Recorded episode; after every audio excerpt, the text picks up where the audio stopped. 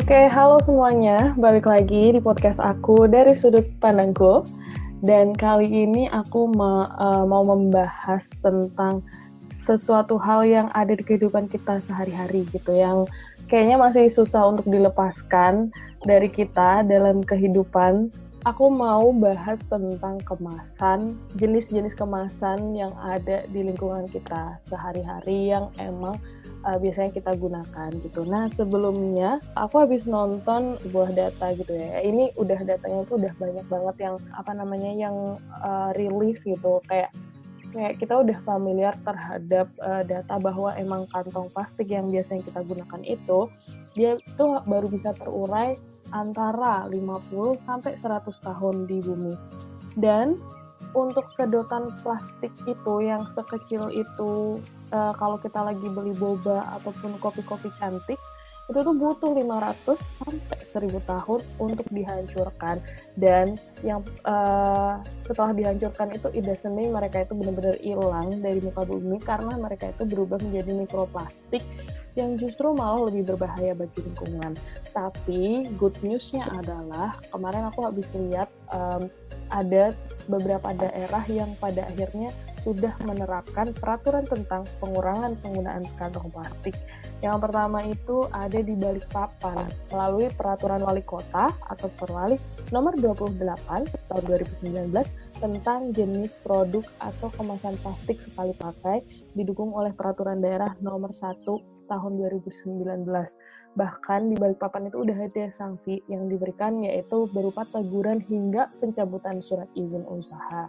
Yang diatur siapa sih? Itu kayak yang diatur tuh lebih banyak ke arah rumah makan, restoran, toko, roti, pasar rakyat, dan fasilitas umum kayak gitu. Nah, selain Balikpapan, DKI Jakarta juga menerapkan peraturan serupa melalui peraturan gubernur nomor 142 tahun 2019 tentang kewajiban penggunaan kantong belanja ramah lingkungan. Ada sanksinya juga, yaitu berupa teguran tertulis, uang paksa bisa sampai 5 juta sampai 25 juta, pembukuan izin hingga pencabutan izin dan uh, ini tuh peraturannya diterapkan pada toko-toko swalayan, pedagang atau pemilik toko dalam pusat perbelanjaan. Yang terakhir yang baru banget juga rilis adalah uh, Kota Bogor yang diatur dalam peraturan wali kota nomor 61 tahun 2018 tentang pengurangan penggunaan kantong plastik. Sanksinya memang belum ada, uh, ya lebih banyak uh, sanksi sosial dan yang diatur adalah pusat perbelanjaan dan toko modern yang menggunakan kantong plastik kayak gitu. Nah, tapi kayaknya semua kemasan yang kita tahu itu kayak kita hanya sering menggunakan istilah uh, ya semuanya itu plastik, plastik, plastik gitu. Tapi apakah memang benar-benar semuanya itu bahannya plastik dan mereka itu satu jenis plastik atau enggak? Nah, untuk tahu itu, aku mau ngajak ngobrol teman aku yang lebih ahli dalam hal perkemasan makanan ataupun jajanan di sekitar kita. Welcome, halo. Halo. Ya, udah ada suaranya. Boleh kenalan dulu nggak? Ini aku lagi ngobrol sama siapa? Oke, halo. Nama aku uh, Desa Putu Ariska. Biasanya hmm. kalau Kak Andin manggil aku Putu ya? Iya. Tapi orang-orang lain juga manggil aku kadang Ariska. Jadi ya, ya Putu aja boleh deh. ya jadi bisa Ariska bisa Putu ya. Uh, kalau aku ya biasanya karena mengenalnya itu dengan uh, nama Putu, jadi ya aku manggilnya Putu gitu. Kadang Pucu malah ya? Iya benar Pucu pakai C karena Putu itu terlalu banyak di dunia ini kan, hampir banyak banget orang Bali namanya Putu, jadi kita manggilnya Pucu. Mungkin di, di, di podcast ini juga manggilnya Pucu aja kali ya, kayak lebih enak. Boleh deh, boleh. Oke.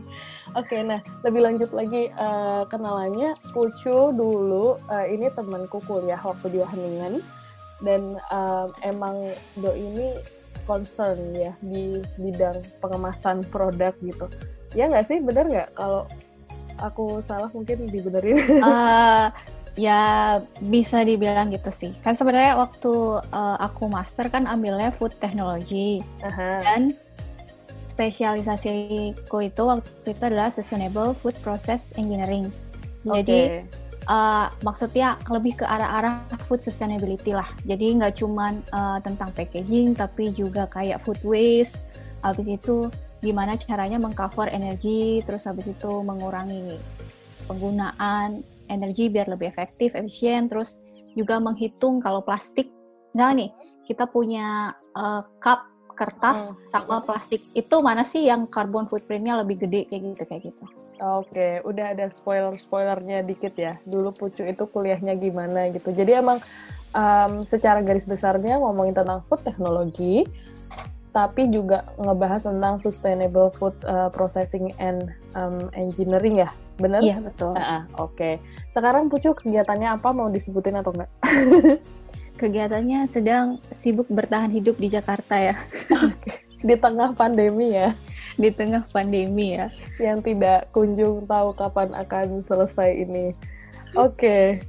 Nah, Bekerja dari rumah gitu. Bener bener banget bekerja dari rumah nggak keluar keluar nah ini nih kita tuh kan udah uh, hampir empat bulan ya nggak keluar keluar maksudnya bener-bener nggak nggak beraktivitas seperti biasanya lagi. Mm-hmm. dan akhirnya itu kalau nggak masak sendiri ya akhirnya jajan. Entah itu GoFood entah itu Grab GrabFood entah itu bener-bener delivery atau banyak banget menggunakan bungkus makanan. Nah, kita mau belajar dong tentang bungkus-bungkus um, makanan itu tuh. Emang semuanya itu benar-benar plastik ya bahan-bahannya. Itu bisa kita katakan semuanya itu plastik gitu. Atau gimana sih? Jadi sebenarnya kalau kita ngomongin food packaging ya, uh-huh. itu sebenarnya itu banyak dan luas gitu. Jadi kan kemasan yang kita pakai sehari-hari untuk makanan itu kan gak cuman plastik, emang bener plastik salah satunya dan yang paling banyak ya kan ada juga dari kertas paper ada juga dari glass material glass jadi contohnya itu kayak uh, apa Coca-Cola yang gitu loh botol-botol di Coca-Cola terus habis itu botol-botol uh, jar gitu untuk uh, Nutella kayak gitu seperti itu terus uh, masih ada juga kalau misalnya kita mau bagi lagi ada yang namanya active packaging, ada yang namanya smart packaging, ada yang namanya intelligent packaging. Jadi kalau kita bahas sebenarnya food packaging itu sangat luas sekali. Tapi um, mungkin kita coba breakdownnya ke glass, paper, sama plastik kali ya. Oke, okay, oke okay, boleh. Ada tiga ya yang kita mau bahas, Pucu. Iya, iya. Uh-uh. Tadi ada uh, plastik, kaca, sama satu lagi kertas. Kertas. Boleh dijelasin nggak gimana gitu? Uh, kalau gelas kalau kaca ya itu sebenarnya kita udah sering banget ya ketemu ya jadi contohnya itu kayak yang tadi saya sebutin kayak misalnya kalian beli Nutella gitu itu kan dia jarnya kan dari kaca gitu. Atau Coca-Cola zaman dulu. Kayak zaman kita SD masih Coca-Cola itu banyakkan botol deh. Bener yang harus dikembaliin lagi ke tokonya. Iya betul. Atau teh botol sosro yang zaman dulu. Nah kalau di gelas ini atau kaca ini sebenarnya bisa dibilang ya dia hampir uh, eh, 100% apa bisa didaur ulang. Jadi pada umumnya kalau untuk pembuatan uh, apa kemasan kaca yang baru biasanya dia itu consist of uh, eh, 60% dari pecahan kaca yang lama. Jadi bisa dibilang sih produknya itu apa ya? terus berulang gitu loh, terus terus gitu loh. Beda kalau sama plastik yeah. sama paper itu beda gitu. Dia downgrade gitu. Tapi kalau si kaca ini dia bisa tetap terus jadi kemasan kaca, kaca untuk food gitu. Oh, jadi dia materialnya nggak nggak mengalami reduce gitu ya? Mm -mm, jadi bisa kalau misalnya justru bagusnya kalau misalnya dia mau buat packaging kaca itu hmm. lebih baik dia itu 60% 50% itu pakai pecahan kaca yang bekas. Jadi namanya tuh kulet. Uh, nah, hmm. kenapa kalau pakai yang bekas itu dia itu bisa mengefisiensi mesinnya gitu daripada dia pakai material kaca yang baru gitu. Jadi kan kalau itu kan ada kayak sodium karbonat, ada silika, ada kalsium karbonat banyak lah pokoknya. Intinya kan kalau kaca itu dibuat bahan-bahan itu, terus habis itu dikenakan suhu tinggi, cair, habis itu kebentuk lah gitu. Hmm, jadi kayak kayak uh, lilin dilelehin ya sebenarnya ya? Iya, uh, uh, kayak gitulah intinya. Oke. Okay. Oke, jadi sebenarnya itu uh, kemasan kaca dulu kayak Coca-Cola atau teh, teh botol sosro itu udah udah jauh lebih sustainable ya daripada malah justru yang mereka gunakan sekarang gitu.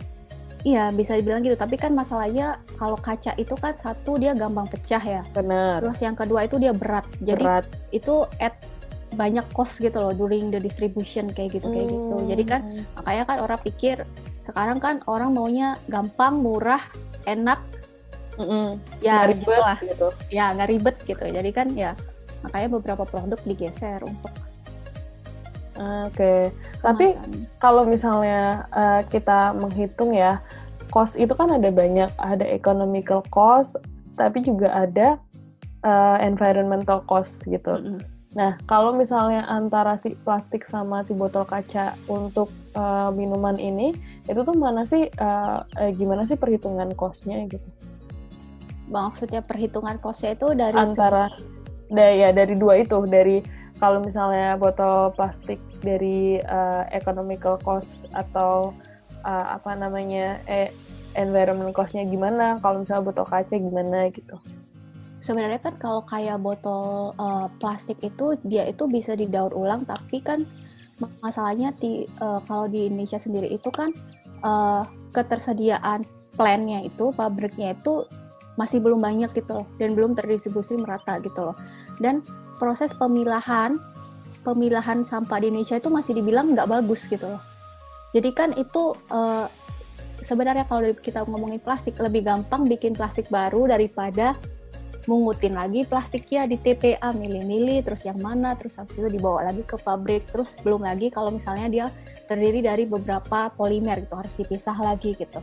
Tapi kalau gelas sendiri kaca sendiri dia itu yang materialnya kaca gitu gelas gitu dan beberapa editif di dalamnya gitu jadi ketika dan biasanya kan kalau kita beli uh, botol itu kan harus dikembalikan kan Ya, ya. jadi dia langsung balik lagi tuh ke pabriknya kayak gitu. Tapi perlu diperhatikan ya kalau misalnya botol kaca untuk food itu beda dengan yang non food. Jadi jangan sampai kecampur. Kayak pirek tuh kan, pirek itu ya. Buat itu loh, di Buat di- microwave yang tahan panas temper itu. Panas, Maaf. ya. Itu tuh beda sama materialnya si botol kaca, botol ya Kemasan. itu. Oh, bedanya apa? beda jenis polimernya, beda jenis eh, kacanya gitu. Kalau misalnya dalam recycle itu nggak boleh sampai kecampur. Kalau misalnya kecampur yang ada malah mengganggu kemurnian dari pembuatan packaging itu gitu. Jadi biasanya nanti kalau mereka itu pokoknya dia dihancurin dulu lah. Nanti biasanya ada magnet atau ada sensor khusus yang untuk buat ngambil eh, kontaminan-kontaminannya kayak gitu. Tapi kalau bilang environmental cost sih sebenarnya ya apa ya kayak sebenarnya kalau kita ngomongin sustainability itu kayak yang tiga itu nggak sih kak yang people planet Oh, 3P. Ah.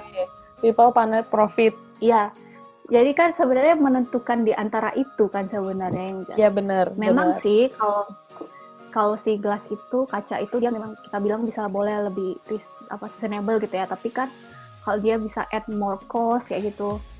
Nah kan apa dalam distribusinya dia butuh tempat yang lebih banyak. Nah artinya mobil yang lebih banyak yang dibutuhkan. Berarti eh, fuelnya lebih banyak kayak gitu kayak gitu. Jadi kan kalau kita bilang perhitungannya sih sebenarnya cukup kompleks sih ya Iya, benar. Kan eh, itu tinggal preferensi perusahaannya ya berarti. Mm, mm, mm, mm. dan tanggung jawab mereka sih Benar, benar. Jadi ya em, di sisi lain maksudnya emang ada kadang-kadang ada tuntutan dari apa namanya customer gitu ya untuk Mm, untuk ah gue nggak mau lah pakai kaca-kaca kayak gini ribet lah gitu. Lagian nanti kalau kacanya pecah kan harus ngeganti nggak sih? Kalau kalau dulu tuh ya botol aqua itu yang pertama juga eh, kaca kan? iya ah, ah. botol aqua yang pertama yang pertama pertama banget gitu. Baru yang sekarang itu udah dibuat kemasan em, berbagai macam sampai yang ukurannya gelas gitu. Bahkan kalau nanti tuh ada namanya edible water kalau di luar. Nah apa tuh? Jadi dia itu eh, jadi eh, konsepnya tuh kayak popping boba gitu loh Kak. bukan bukan boba yang tapioka ya jadi popping boba yang kalau dimakan tes dalamnya ada airnya oke hydrogel Iya kayak gitulah. Tapi itu air. Jadi biasanya itu katanya kalau di luar itu dia digunain buat eh, para pelari gitu loh. Jadi kan kalau orang lari itu kan punya waktu sedikit gitu loh untuk minum. Mm-mm. Jadi pas jalan serut lari terus tinggal ambil satu kayak bola gede ya bola sedang itu langsung dimakan langsung jadi air mecah gitu. Ya ampun, manusia ini tambah aneh ya semakin lama. itu juga cara salah satu cara untuk mengurangi plastik. Ke Oh, oke. komit dari sebuah perusahaan untuk mengurangi plastik kayak gitu. Eh, tapi dia dikemas dalam bentuk apa dong nanti si eh, bola airnya ini? eh bola ya langsung dimakan gitu ya maksudnya packaging luarnya sih pasti steril tapi kan bisa muat banyak box gitu kan Hmm, box yang gede gitu ya mm-mm. terus habis itu tinggal diambil satu-satu kayak bola apa ya Iya, tahu sih aku Ya. bisa ngebayangin sih. Mungkin ya kayak da- dari siwit gitu luarnya pong gitu kali ya. Mm-mm. agak lebih gede dikit lah Oke oke, menarik menarik. Semakin sebenarnya bisa sih kita bikin itu oh ya, iya prinsipnya tuh kayak bikin agar-agar. eh, boba popping boba spherification Oh, tapi Jadi- emang itu bisa dibuat di rumah. Em, bisa tapi untuk ukuran sebesar itu kayaknya harus pakai alat khusus sih. Oh, Kalau oke. cuman ukuran se apa ya eh, ukuran yang kecil-kecil kayak popping itu boba Mhm. itu bisa, tapi kalau ukuran yang segede gitu kayaknya butuh alat khusus sih. Hmm, oke oke, menarik sih. Ya jadi kemasannya semakin lama semakin mutakhir gitu ya, semakin advance gitu dalam dalam hal usaha-usaha beberapa perusahaan yang mencoba me- mengurangi penggunaan dari si limbah-limbah yang nggak bisa dipakai lagi. Nah balik lagi tadi kalau misalnya uh, ke kaca berarti jenis kaca juga udah ada dua ya, yang satu yang yang emang uh, sesuai uh, jenis polimerasenya jadi biar bisa dibalikin kayak Nutella dan sebagainya itu tuh uh, yang termasuk kayak mirip botol um, Coca-Cola gitu ya Ada tapi kan ada juga Nutella yang plastik ya kak. iya ada sekarang Ada yang ya eh, eh, yang baru-baru yang kecil-kecil itu kan plastik. Kalau yang agak gede itu kan kaca yang Mm-mm. biasanya dulu kalau di Jombo beli yang kaca yang gede itu. iya benar-benar yang harganya mahal itu ya Iya. Uh, sekali beli 80.000 ribu kayaknya ya iya ya. Oh, iya. ya segituan itu berapa ya berapa gram ya seperempat kilo mungkin Iya kayak 250-an ya. Heeh, heeh, sekitar segitu. Tapi yang Bisa kecil kecil itu juga masih ada yang kecil. Oh, yang paling kecil banget itu yang Ah, ah. ada yang Iya. tutupnya nggak bisa diputer ya, yang cuman di Iya, ah, ah. kelek gitu kayak ditutupin doang gitu. Oh, I see, I see. Jadi tetap melakukan variasi dalam membuat kemasan agar lebih ekonomis gitu nggak sih sebenarnya tujuannya? Iya, terus habis itu juga memudahkan distribusi kayak gitu kayak gitu sih. Hmm, hmm. Jadi itu kan bisa saving cost. Terus habis itu buat konsumen juga enak. Nah itu kalau yang kaca. Terus habis itu kalau yang kertas, Kalau kertas sendiri itu sebenarnya dia eh, ada banyak juga sih pembagiannya. Jadi kayak misalnya eh, kita bisa lihat kertas tuh ada yang kertas apa ya fleksibel, terus habis itu juga ada yang kertas em, anti lemak, anti minyak kayak gitu. Biasanya kalau kayak gitu tuh tuh, eh, nemuinnya di roti.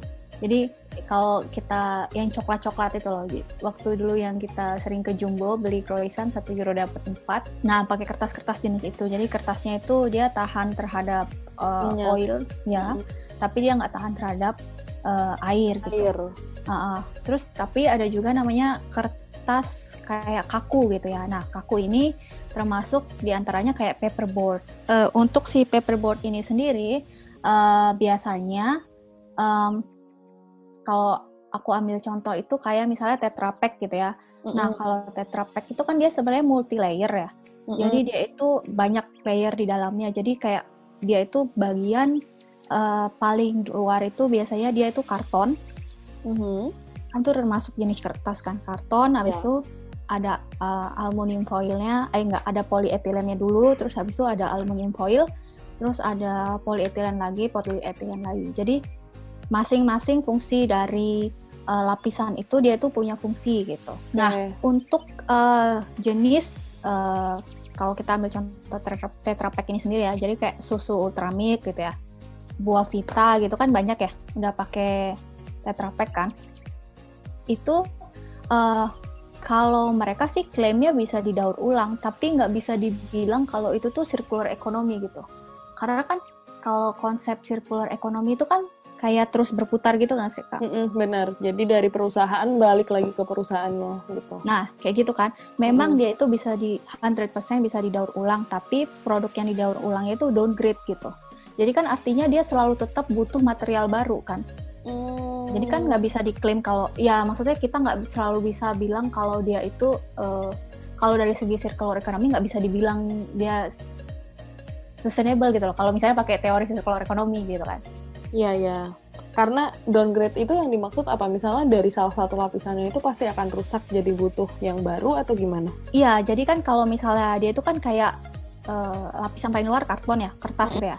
Jadi kayak hmm, 70 persenan lah dari itu. Terus habis itu ada polietilennya 20 persenan, terus habis itu ada aluminiumnya 5 persenan. Jadi kalau kayak kertasnya itu biasanya dia itu diolah lagi sama perusahaan sama Tetra Pak, diolah uh, untuk menjadi pulp itu biasa dibuat notes kayak notes, poster kayak gitu kayak gitu. Hmm. Jadi tetap masih uh, bermanfaat sih sebenarnya. Mm -hmm. Karena uh, kalau saya lihat itu di, di website mereka tuh mereka juga komit terhadap hal terhadap sustainability itu. Hmm. Nah, hmm. kalau polietilen sama aluminiumnya itu juga bisa diolah lagi menjadi kayak uh, apa itu asbes apa ya namanya? Yang oh, papan. Ya, seng itu tapi yang dari ya, ya. yang gelombang itu loh, Kak. Oke, bisa jadi itu dicampur ya dia di di mix gitu. Uh, uh, tapi kan masalahnya adalah uh, masalah dari multi layer ini kan kalau Tetra Pak kita bilang case-nya dia multi layer ya. Itu kan uh, energi yang dibutuhkan untuk memisahkan lapisan-lapisan itu kan juga nggak sedikit kan? Bener, juga nggak kecil kan? Jadi ya untuk pemisahan itu sendiri juga dia udah me mengeluarkan energi gitu. Walaupun pada akhirnya dia di apa ya dimanfaatkan lagi gitu. Hmm. Di dibuat di dibuat untuk bahan lain gitu loh. Iya benar. Yang tapi kalau bisa dibilang sih Tetra Pak ini apa ya komit gitu loh terhadap apa ya usaha-usaha uh, gitu mengurangi mengurangi sampah gitu. Oke, okay, bentar. Uh, mungkin ada yang belum tahu nih. Sebenarnya Tetra Pak itu apa sih? Maksudnya apakah dia perusahaan atau emang dia itu um, apa namanya? Cuman jen, nama nama jenis kemasannya kayak kaca gitu atau gimana sih? Jadi kalau Tetra Pak itu sebenarnya nama perusahaan. Terus dia itu uh, menemuk, menemukan. Dia itu memberi, ya menemukan lah konsep ide uh, multi layer itu gitu loh. Jadi makanya saat itu namanya Tetra Pak ini dan tipenya itu ada banyak banget. Jadi kalau misalnya kita punya jus jenis Tetra Pak-nya ini, kalau punya susu Tetra Pak ini, kalau punya produk yang lain produknya ini gitu loh. Jadi dia perusahaan packaging sebenarnya yang uh, uh, jadi banyak kan kalau perusahaan-perusahaan lain itu mereka datang gitu ke Tetra Pak nanti Tetra Pak yang memberikan saran oh ini packagingnya kayak gini kayak gini kayak gini gitu oh jadi misalnya Ultra Milk dia mau mengemas susunya atau buah vita atau apa pun mereka tuh request ya jadi aku punya produk A terus itu mau ngemasnya gini-gini terus nanti sama Tetra Pak dibuatin gitu ya iya kayak gitu jadi hmm. ya ada yang based on the consumer request kayak gitu tapi kan sekarang kalau sekarang kan udah umum tuh kalau susu produknya jenisnya yeah. yang mana gitu uh. iya udah banyak jadi kayak kayak tinggal beli gitu ya yang kemasan 50 mili, 750 mm -hmm. mili, uh, ya kayak gitu atau 1 liter gitu-gitu. Jadi yeah. mereka udah punya yang siap pakai mm -hmm. gitu ya. Iya, yeah, dan memang rata-rata kalau uh, apa ya? food package uh, food industry itu uh, memang packagingnya selalu dari luar sih vendor lain sih kan terus nanti masuk ke uh, masuk ke pabriknya tinggal kemas aja gitu dan tinggal ngasih label doang ya atau labelnya juga dibuatin uh, bisa jadi sih sepertinya kan itu kalau label kan lebih ke desain ya maksudnya mm -hmm. uh. Hmm, oke okay, oke. Okay. Nah, uh, selain Tetra Pak apa sih yang tadi uh, Pucu bilang kalau misalnya kita tuh banyak pakai produk dari luar tentang kemasan ini tuh apalagi sih gitu yang mungkin multi layer juga selain Tetra Pak? Uh, sebenarnya sih uh, kalau kayak multi layer itu sebenarnya kita gampang sih bisa lihatnya kayak produk-produk yang transparan. Jadi luarnya itu paperboard, terus tengahnya itu ada uh, plastiknya. Jadi biasanya itu tuh kayak coklat gitu loh. Coklat apa ya yang kecil-kecil gitu? Coklat apa? Produk-produk konvek apa ya namanya kalau di sini ya? Apa namanya itu kak yang bulat-bulat itu loh kak? Ferraro. Apa ya? Lupa aku juga. Oh yang fair um, yang warna gold itu ya? Nah iya nah itu tuh ada yang packagingnya itu dia kayak ditaruh di karton itu terus habis itu uh, ya udah ditata. Nah itu udah kelihatan tuh dia lapisnya dua itu plastik uh, sama satu lagi paperboard jadi kalau um, dulu tuh kayak aku kayaknya pernah ada deh kayak perusahaan packaging gitu ya datang ke kampus uh -huh. gitu ya. Terus dia jelasin kayak dia bilang kalau manusia itu kita tuh sebenarnya nggak bakal pernah bisa menghindari plastik gitu. Tapi kalaupun kamu nggak bisa menghindari plastik seenggaknya hindarilah produk-produk yang multi layer kayak gitu. Hmm. karena pemisahannya itu susah gitu. Kecuali kayak memang perusahaan-perusahaan yang udah komit kayak Tetra Pak tuh dia udah ada alurnya dia dia punya tempatnya. Dan dia bisa untuk daur ulang produknya sendiri ya? Iya uh, uh, dia bertanggung jawab gitu loh terhadap uh, produknya gitu. Dia ada site-nya gitu lah. Mm -mm. itu di Indonesia oh, juga ada ya? Ada kok ada hmm. dua atau berapa gitu kalau nggak salah. Dan dia program CSR kok kayak jadi promosi ya? Nggak apa-apa tapi kan banyak yang nggak tahu. Maksudnya oh. sampah-sampah kayak gitu tuh ujungnya ke mana gitu kan? Kita banyak ya yang nggak oh. aware gitu. Oh iya. Dan dia kayak kalau nggak salah sih program CSR-nya salah satunya itu ya bikin yang dari polietilen sama apa aluminium foil itu kan jadi bisa jadi kayak asbes genteng gitulah. Saya lupa namanya apa. Itu tuh dibuat bangun sekolah gitu. Hmm, jadi dia sumbangin gitu ya? Iya bangunin sekolah gitu. Nah itu bahan-bahannya dari itu kayak gitu. Tapi karena dia downgrade berarti uh, si hasil daur ulangnya itu benar-benar tidak akan pernah menjadi produk uh, kemasan Tetra Pak lagi ya? Karena dia akan menjadi produk lain. Nah iya, uh, uh, itu kan kalau misalnya kalau kita yang apa ya yang bahas tentang circular economy kan teorinya hmm. dia itu kan ada tiga kan yeah. tidak ada limbah terus material bisa dipakai terus menerus sama regenerasi secara alami. Nah Bener. kalau dia mau bikin Tetra Pak baru dia harus butuh uh, baru, baru kertas Iya, virgin pulp baru, jadi bubur kertas alami baru. Ya tetap ada sesuatu input gitu. Hmm, intinya kayak mereka juga nggak akan berhenti produksi, cuman komitmennya adalah untuk mendaur ulang. Itu pun mendaur ulangnya yang nyampe ke pabriknya lagi ya. Yang nggak nyampe mah ya udahlah gitu. iya, ya, iya. Makanya kayak dia punya ininya sih, site-nya sendiri gitu untuk daur ulang. Makanya kalau si Tetra Pak ini kalau dia tuh katanya kampanyenya itu adalah kayak ya kayak kita di luar itu loh kalau kita habis minum susu dibuka mm -hmm. terus di apa dibuka itu loh lapisannya mm -hmm. apa kartonnya dipecah gitu loh jadi dia gepeng hmm. tapi emang kayak Tetra Pak itu tuh kelihatan banget ya layarnya. Kan itu kalau misalnya kita beli susu itu tuh bener-bener bisa dikletek gitu gak sih? Apa ya dikletek tuh bahasa Indonesia tau lah ya. Nah, dikupas. Iya. Apa ya? Ya dikeletak gitulah nggak tau lah aku bahasa Indonesia nya apa. Dikeletak dan yang luar itu bahkan di luarnya si cardboardnya di luarnya kartonnya itu sebenarnya ada lapisan plastiknya lagi nggak sih? Si uh, laminasinya uh, uh, uh, uh, uh laminasi dari si brandnya itu kan karena kalau nggak kan nanti jadi jelek nggak sih finishingnya iya uh, ya kan dia itu kan juga untuk mempercantik gitu juga hmm. untuk menahan air kayak gitu kayak dan gitu. selain menahan air juga mungkin biar tintanya nggak nggak merusak dan sebagainya gitu kan mm -hmm. jadi lapisannya itu bener-bener bener-bener berlapis banget gitu ya dari yang pertamanya uh, plastiknya paling luar untuk laminasinya, terus habis itu kertasnya yang brandnya, terus habis itu uh, cardboardnya, masih ada yang polyethylene dan sebagainya, sampai yang dalamnya sendiri itu aluminium foil tadi ya? Foil, uh -uh. Hmm, gitu. Kalau misalnya yang di plastik kemasan kayak lace yang uh, yang kemasan pillow itu, yang bag, itu tuh juga sebenarnya dalamnya ada aluminium foilnya kan? Iya, sebenarnya kalau kita ngomong packaging itu kadang banyak nggak dia tuh nggak cuma satu polimer gitu. Kadang ada yang campuran, misalnya PET sama apa kayak gitu. Kalau kita ngomongin plastik kan sebenarnya dia uh, apa banyak ya jenisnya ya. Iya benar. Kalau kalau kita lihat di uh, balik botol itu, mm -hmm. itu biasanya ya, di bawah itu ya. Uh, kayak ada angka 5, angka 9 gitu-gitu. Mm-mm, kayak nomor satu itu PET kan. Mm-mm. Jadi biasanya dia modelnya tuh jernih gitu, transparan dan biasanya ya botol aqua kayak gitu. Mm. Terus kalau kode dua itu kayak apa ya HDPE gitu, high density. Jadi biasanya yang model-model yang agak burem gitu.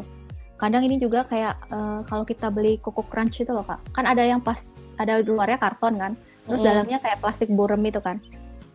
Hmm, mm, ya bener-bener ada ya kan nah itu biasanya kadang dia ada DPI-nya terus hmm. ada oh. juga PVC biasanya buat yeah. mainan kayak gitu terus kalau yang food grade gitu nah biasanya ada juga LDPE jadi LDPE itu low density nah biasanya itu uh, kayak plastik-plastik uh, roti sayur roti gitu uh, dan LDPE ini dia itu jenis plastik yang tidak bereaksi pada makanan. Jadi plastik-plastik kiloan gitu kadang. Maksudnya yang biasa buat kita beli cilok gitu? Itu ada yang LDPE ada yang juga yang HDPE jadi tergantung kalau yang uh, kayak burem-burem gitu lah oke okay. terus kalau yang kalian bilang kayak Indomie gitu misalkan mm -hmm. Lace gitu ya kadang dia itu yang kayak nomor 5 itu kan dia pipi uh, mm. polipropena ya mm -hmm. nah, nah itu biasanya kayak kalau kemasannya itu kayak Tupperware terus habis itu jenis-jenis produk yang tahan panas yang microwave yang kotak-kotak makan itu loh mm -hmm. yang yang biasanya kalau kita beli ini Mbak Asting kayak gitu. Iya iya iya benar. Ya kayak gitu. Nah tapi kadang mie instan atau beberapa chips itu dia juga PP jadi nomor 5 gitu. Karena dia apa ya jenis plastik ini juga bagus gitu buat makanan dan dia uh, moisture barriernya juga bagus. Hmm, gitu. Jadi itu nggak disposable ya? Iya, tapi kalau mie instan ya plastiknya dibuang lah. iya sih, mau dipakai buat apa lagi? Dia dicuci, dipakai buat beli cilok kan nggak lucu. kan nanti abang ciloknya juga ternganga-nganga kan mending pakai piring ya kan biar nggak iya oke okay. yang paling susah itu ini sih jenis uh, jadi PS nomor 6 itu styrofoam yang nah. tadi Kak Andin bilang udah uh. dia itu paling lama pokoknya Oke, okay. ya styrofoam itu berarti dia sebenarnya basicnya itu termasuk plastik ya, tapi uh, mm -hmm. jadinya kayak kayak bentuk yang berbeda gitu ya karena kan dia jadi bisa dipatahin mm -hmm. tapi dia tahan air gitu ya lucu nggak sih iya dia polyester itu dia ada yang foaming jadi kayak yang styrofoam yang kita pakai itu mm -hmm. hmm. dan itu tuh paling lama ya paling lama bisa sampai 500 sampai 1000 tahun, kan. iya kayak lagu seribu tahun iya. lagunya tulus dong ke seribu tahun lamanya ya ampun kan uh, kalau uh -uh. Kalau kayak kertas paper itu kan um, uh, dia bisa terurai lebih cepat gitu dibandingkan hmm. si plastik yang bisa belasan puluhan tahun. Hmm. Nah kalau styrofoam malah lebih parah lagi kan gitu kan. Hmm. Nah ini nih yang menarik lagi satu hal waktu itu waktu lagi di Wageningen ada salah satu apa namanya klub mahasiswa gitu ya. Mereka hmm. itu uh, ngasih tahu bahwa kayak kita nggak mau pakai balon lagi gitu. Karena balon itu juga nggak pecah-pecah si uh, si plastiknya itu nggak degradable gitu loh. Jadi hmm. um, bisa sampai berapa puluh tahun berapa ratus tahun juga gitu sama aja. Makanya kayak pesta yang cuma dipakai bentar dan habis itu dibuang plastiknya itu si balon itu tuh nggak nggak nggak bisa terurai. Dan lebih lebih susah lagi ternyata bukan balon yang kita tiup uh, yang biasa buat mainan itu yang bisa meledak tapi balon yang bentuk huruf-huruf itu loh oh iya iya iya, iya. balon yang yang gold yang silver iya, iya. yang yang sekarang sering dipakai di party itu tuh yeah. ternyata lebih jauh lebih lama lagi untuk bisa diuraikan daripada si balon yang uh, biasa kita tiup-tiup yang itu pun udah lama gitu. Iya betul. Lebih lama lagi ya berarti ya? Lebih lama lagi. Jadi bener-bener ada anak party, maksudnya ada anak-anak uh, salah satu klub mahasiswanya itu yang kalau party nggak mau pakai balon uh, karena alasan itu gitu. Jadi kita kan sekarang nih ya di Indonesia tuh masih fokus pada pakai kantong plastik atau enggak ya itu aja tuh udah lama banget gitu ya untuk mengedukasi ya. Tapi kayak teman-teman kita itu udah mikirin sampai ke gue nggak mau pakai balon lagi. Itu tuh main blowing gak sih kayak? Iya iya iya. Sama juga ada kayak tetangga koridorku kayak kalau belanja itu dia harus pokoknya minimal misir waste. Jadi kalau dia belanja tuh selalu bawa jar sendiri gitu loh. Ah iya bener. Kalau kiloan gitu mas bener kalau di sini namanya uh, ngetrennya itu istilahnya apa namanya ya? Kan toko curah kan? Iya, iya. Toko curah, tapi kalau di sini bulk store. Ya, itu hmm, guys. Hmm, ada juga ya? Uh, ada, ada, ada di Jakarta tuh udah ada beberapa, tapi memang masih dikit banget. But anyway, uh, selain juga bulk store yang yang maksudnya yang mungkin uh, secara jenis barang lebih ke arah yang sustainable sustainable gitu uh, kita bisa ke pasar sih dan ke pasar itu kan takarannya semua pasti pakai karung kan jadi kita bisa bawa semua barang-barangnya nggak usah pakai kemasan gitu loh kayak beli beras beli bawang beli apa itu uh, ingat nggak sih kalau misalnya uh, aku nggak oh, tahu uh, pucu di Bali atau di Jember dulu gimana tapi kalau waktu aku kecil itu uh, nenek aku atau ibuku tuh kalau misalnya belanja ke pasar itu kan udah pakai kantong belanja nggak sih udah bawa dari rumah yang tas yeah, uh. itu loh tau nggak sih Uh, uh, iya iya. Udah udah pertama udah bawa tas anyaman itu. Jadi sebenarnya masyarakat kita itu way back zaman dulu tuh udah melakukan hal, -hal yang sustainable. Daging itu kan nggak dibungkus pakai plastik, tapi pakai daun kan, pakai daun jati, pakai yeah, pakai tempe daun, gitu gitu. Uh -uh, tempe juga pakai daun. Terus habis itu kalau bungkus ini apa namanya, bungkus um, kayak yang kecil-kecil gitu yang yang bawang atau cabai gitu-gitu tuh kalau iya, kencur jahe gitu ya. daun itu tuh pakai kertas kertas bekas. Tau gak sih? Kayak gitu. Iya iya.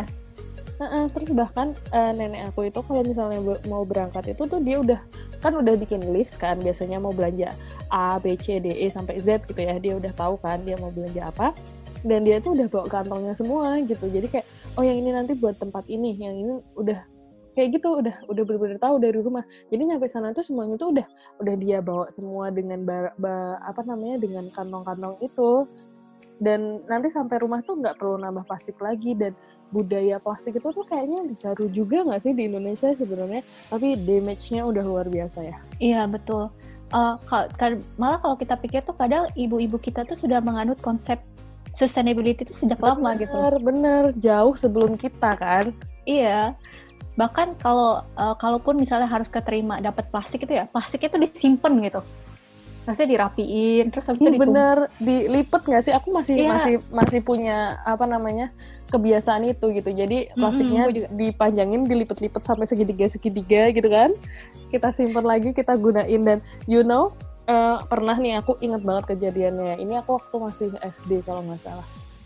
Ya kayaknya mm -hmm. aku masih SD uh, kan biasa kalau di Jogja itu ada tukang nasi goreng malam-malam kan.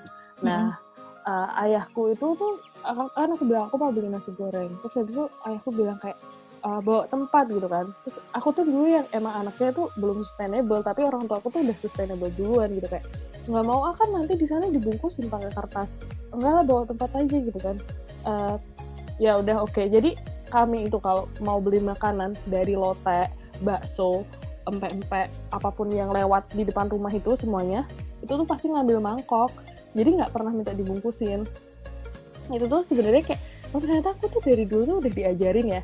Terus itu aku pernah dimarahin dong sama ayahku gara-gara kayak pulang dari beli nasi goreng itu tadi. Aku aku tuh bawa nasi gorengnya tuh pakai kantong kantong plastik. Terus ayahku bilang kamu ini ya uh, pulang bawa kantong plastik kan kasihan abangnya jadi harus beli gitu padahal kan di rumah kantong plastik banyak terus mau buat apa dimarahin coba Iya, tapi lucunya adalah mereka tidak bilang tentang alam gitu nggak sih? Iya, enggak, enggak. Tapi lebih ke kayak kasih lo, kamu tuh ngapain orang juga pastinya tinggal dipakai kayak gitu kan? Bener, bener. Jadi lebih ke praktis alasannya gitu. Mm -mm, alasan-alasan praktis bener-bener. Dulu bahkan waktu aku uh, apa S1 itu kan aku suka beli makan di depan gitu ya, di depan mm -hmm. gitu ya. Mm -hmm. Terus kalau tiap aku beli makan, aku bilang nggak usah pakai plastik gitu atau jajan tuh nggak usah pakai plastik. Aku bawa mm -hmm. sendiri waktu itu. Mm -hmm. Terus selalu sama ibunya tuh dimarahin, eh jangan gitu nanti nggak ilo gitu. tahu gak sih? Iya tahu. Malah ada ya. Padahal kan itu udah bener nggak sih? Iya, makanya kadang Iya lah. Emang lucu. Emang zaman dulu kita kecil itu tuh orang tua kita yang lebih cerewet gitu ya kayak uh, bawa tempat sendiri, uh, bawa kantong sendiri gitu-gitu, bener-bener gak pengen ngerepotin yang jual gitu loh. Tapi kan iya. lama-lama kantong plastik itu jadi murahan gak sih? iya, karena memang prosesnya gampang apa ya lebih murah bikin daripada limbah ngolah limbahnya ya, jadi itu. mending ya bikin baru lah daripada bikin dari yang lama gitu tapi environment costnya ya gede banget ya sampai sedih nggak sih kita kalau ngeliat kura-kura terus habis itu dalamnya ada iya. sedotan plastik itu yang mikroplastik itu sih. Iya, ya. yang yang kayak gitu-gitu itu tuh kayak ya ampun um, kalau misalnya kita mau backdate kayaknya usaha kita menggunakan plastik itu belum sampai 50 tahun gitu loh. Iya nggak hmm. sih? Hmm. Kayak mungkin 20 tahun terakhir, iya nggak? Iya. Iya kali ya. Tapi damage-nya itu bener-bener sampai sekarang nggak habis-habis. Uh, Apalagi di masa depan benar kalau kita nggak ubah dari sekarang kayak gitu nggak sih kayak iya gila sih ini maksudnya we we take we take plastic for granted gitu. Iya karena kan kayak apalagi apalagi kayak most of the time semua packaging kita tuh cuma berakhir di landfill gitu.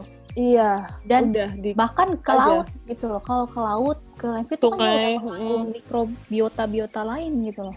Iya benar-benar. Itu tuh ternyata bahkan yang di um, di dalam uh, klaim plastik biodegradable itu itu tuh dia tuh berubah jadi mikroplastik juga anyway gitu loh jadi uh, mm-hmm.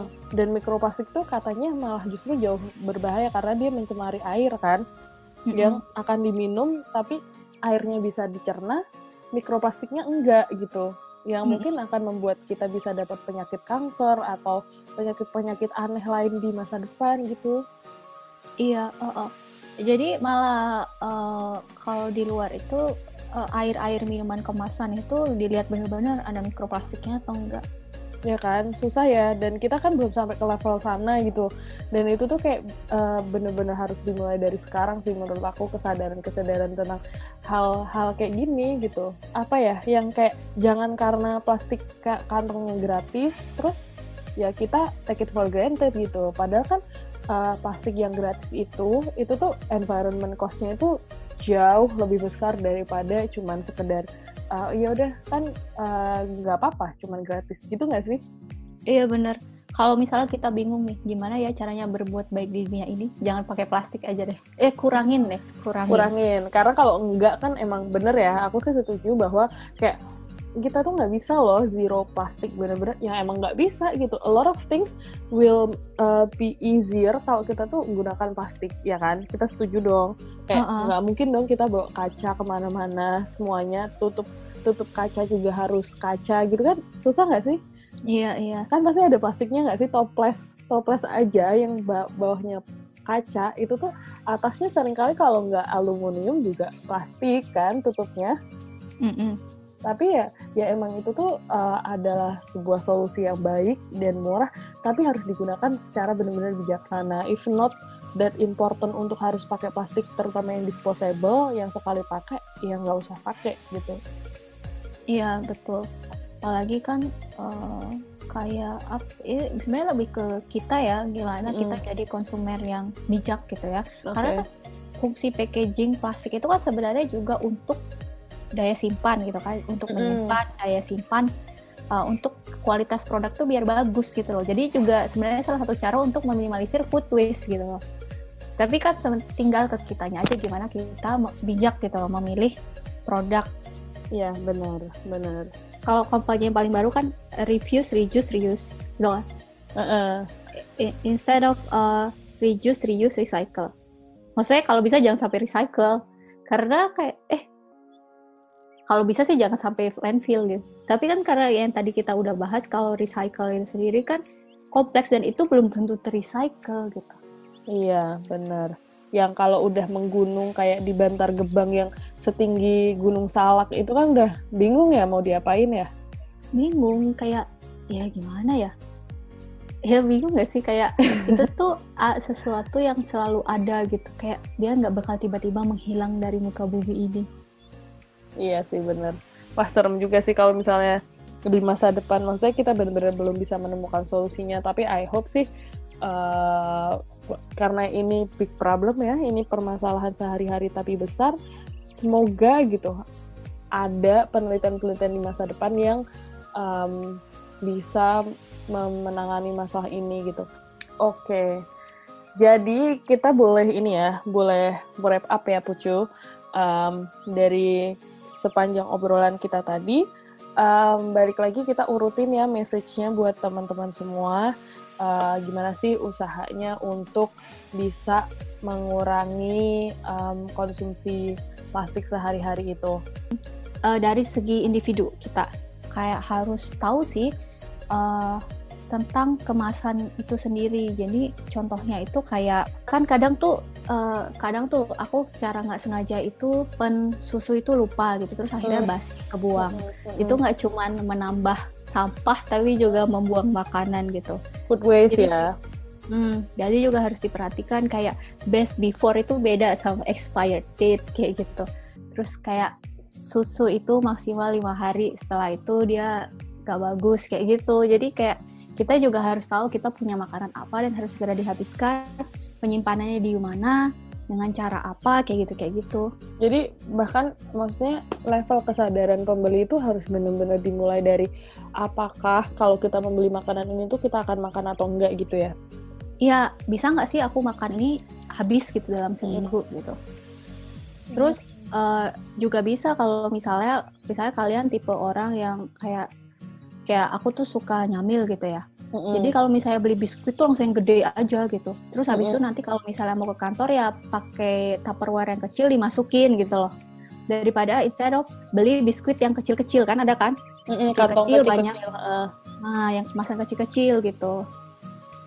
Oke, jadi uh, maksudnya daripada kita kayak nyicil uh, ah belinya yang kemasan ini aja kan kan lebih murah gitu. Mendingan kayak beli yang gede langsung. Tapi kalau misalnya kita mau ke mana-mana ya udah kita kita ini ya kita bungkus ulang gitu ya. Iya taruh di apa kotak kecil gitu di tupperware gitu. Walaupun memang mungkin lebih ribet ya karena kayak mm. pulangnya masih bawa lagi gitu kan. Bener. Selain mm. selain yang udah disebutin tadi ada lagi nggak kira-kira? Usaha misalnya dari uh, diri kita sendiri. Ya kalau ya yang paling gampang ya yang tadi kayak Kak, Kak Anin bilang lah kalau belanja ke mana-mana udah bawa kantong sendiri gitu yang udah diterapin juga sama Jakarta gitu kan mm -hmm. uh, terus habis itu ya yang sebenarnya yang paling yang usaha yang paling terbaik itu sebenarnya reviews and reduce ya mm. kayak kalau bisa nggak pakai ya ya jangan pakai kayak gitu. Hmm, oke. Okay. Kalau misalnya kalau kayak dari company itu mereka bisa bikin aturan yang kayak kita punya botol plastik kaca gitu loh kak. Jadi kalau hmm. misalnya dia ngembaliin nanti dapat duit berapa kayak kita di Jumbo gitulah. Hmm. Jadi, uh, menyediakan tempat-tempat uh, apa ya pengembalian kemasan kayak itu jenis-jenis plastik PET terus nanti kita dapat sebagai konsumen dapat reward gitu entah kupon belanja atau apa gitu kan jadi seenggaknya membantu untuk mengurangi itu kalau mengurangi kalau pilah-pilah itu udah berhasil kan seenggaknya ngurangin energi juga gitu. Loh terus sebenarnya ada juga kayak usaha insinerator kalau pernah denger kayak dibakar gitu loh.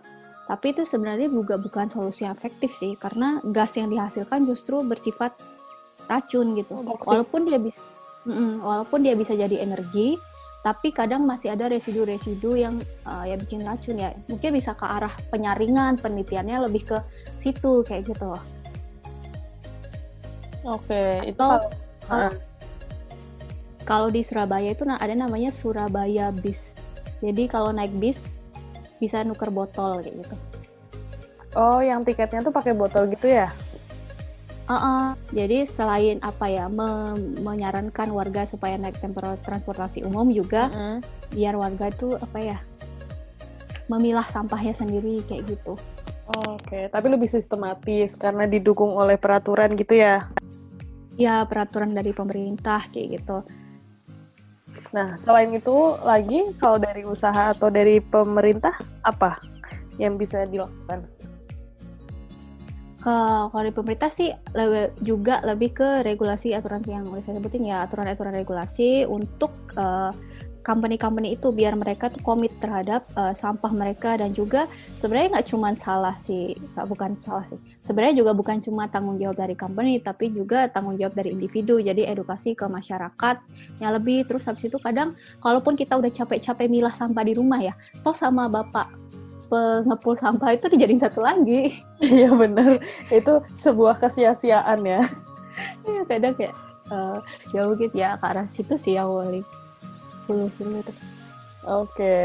nah yang terakhir buat individu selain eh, nggak uh, make kantong plastiknya, maksudnya kayak mengurangi sebisa mungkin apa? Mengurangi sebisa mungkin uh, uh, kalian apa ya? Review refuse reduce reuse ya kan. Terus yang paling dapat tuh ya yang tadi kayak misalnya kalau kalian biasa konsumsi ini makanan ini gitu lebih baik pilihnya kemasan yang besar langsung dan langsung disimpan di kotak nanti tiap hari diambil kecil-kecil.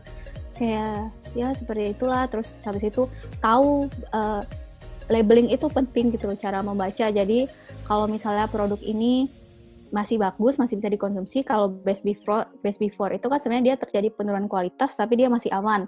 Jadi kalaupun lewat dikit itu masih nggak apa-apa dimakan. Tapi jadi maksudnya sekalian mengurangi plastik sekalian mengurangi uh, food waste gitu. Tapi kalau kayak expired date itu strictly nggak boleh gitu. Jadi kayak kalau tahu beli susu yang satu liter ultramilk harus habis nih setelah dibuka harus di, uh, diminum dalam empat hari. Ya harus diminum kayak gitu. Jadi harus tahu lah kebutuhan sendirinya itu apa gitu. Dan harus habis gitu. Jadi supaya nggak sia-sia. Oke. Okay. oke. Okay. jadi kayak bener-bener apa namanya permasalahan kemasan dan sampah dari kemasan-kemasan ini tuh nggak cuman uh, dari level individu ya bener-bener dari perusahaan si produsen um, makanannya kemudian dari produsen si kemasannya itu sendiri. Contohnya kayak tetra pak juga benar-benar harus ada peran dari pemerintah yang lebih serius untuk menangani permasalahan kemasan ini agar tidak hanya numpuk di landfill atau numpuk di TPA gitu ya tempat pembuangan mm -hmm. akhir. Dan yang terakhir tentu saja karena kalau misalnya nunggu perusahaan dan pemerintahan udah jalan baru kita mau jalan, ya lama banget dong. Jadi kita hmm. bisa mulai dari diri sendiri dengan cara pertama reviews. Jadi nggak usah make kalau emang benar-benar nggak butuh dan ya dikurangi dan lebih uh, juga tahu mana sih jenis-jenis uh, kemasan yang kita gunakan sehari-hari agar kita tahu juga cara pengolahannya gitu ya Pucu? Iya. Oke. Okay. Nah mungkin itu dulu aja uh, obrolan kita hari ini tentang kemasan. Nanti kapan-kapan kita bisa lanjutkan lagi dengan obrolan yang uh, apa namanya lebih mendalam lagi tentang how to misalnya apakah bisa kita melakukan um, recycle di rumah dan lain sebagainya gitu selanjutnya. Tapi sebelumnya terima kasih Pucu udah mau mampir di podcast aku. Sama-sama, senang juga bisa mampir. Yeay, terima kasih sudah menyediakan waktunya. Semoga sehat selalu di tengah pandemi, tetap waras pokoknya ya jiwa raga. Dan uh, itu dulu dari kami berdua. Sekian, terima kasih. Sampai jumpa di podcast episode berikutnya. Dah. Da.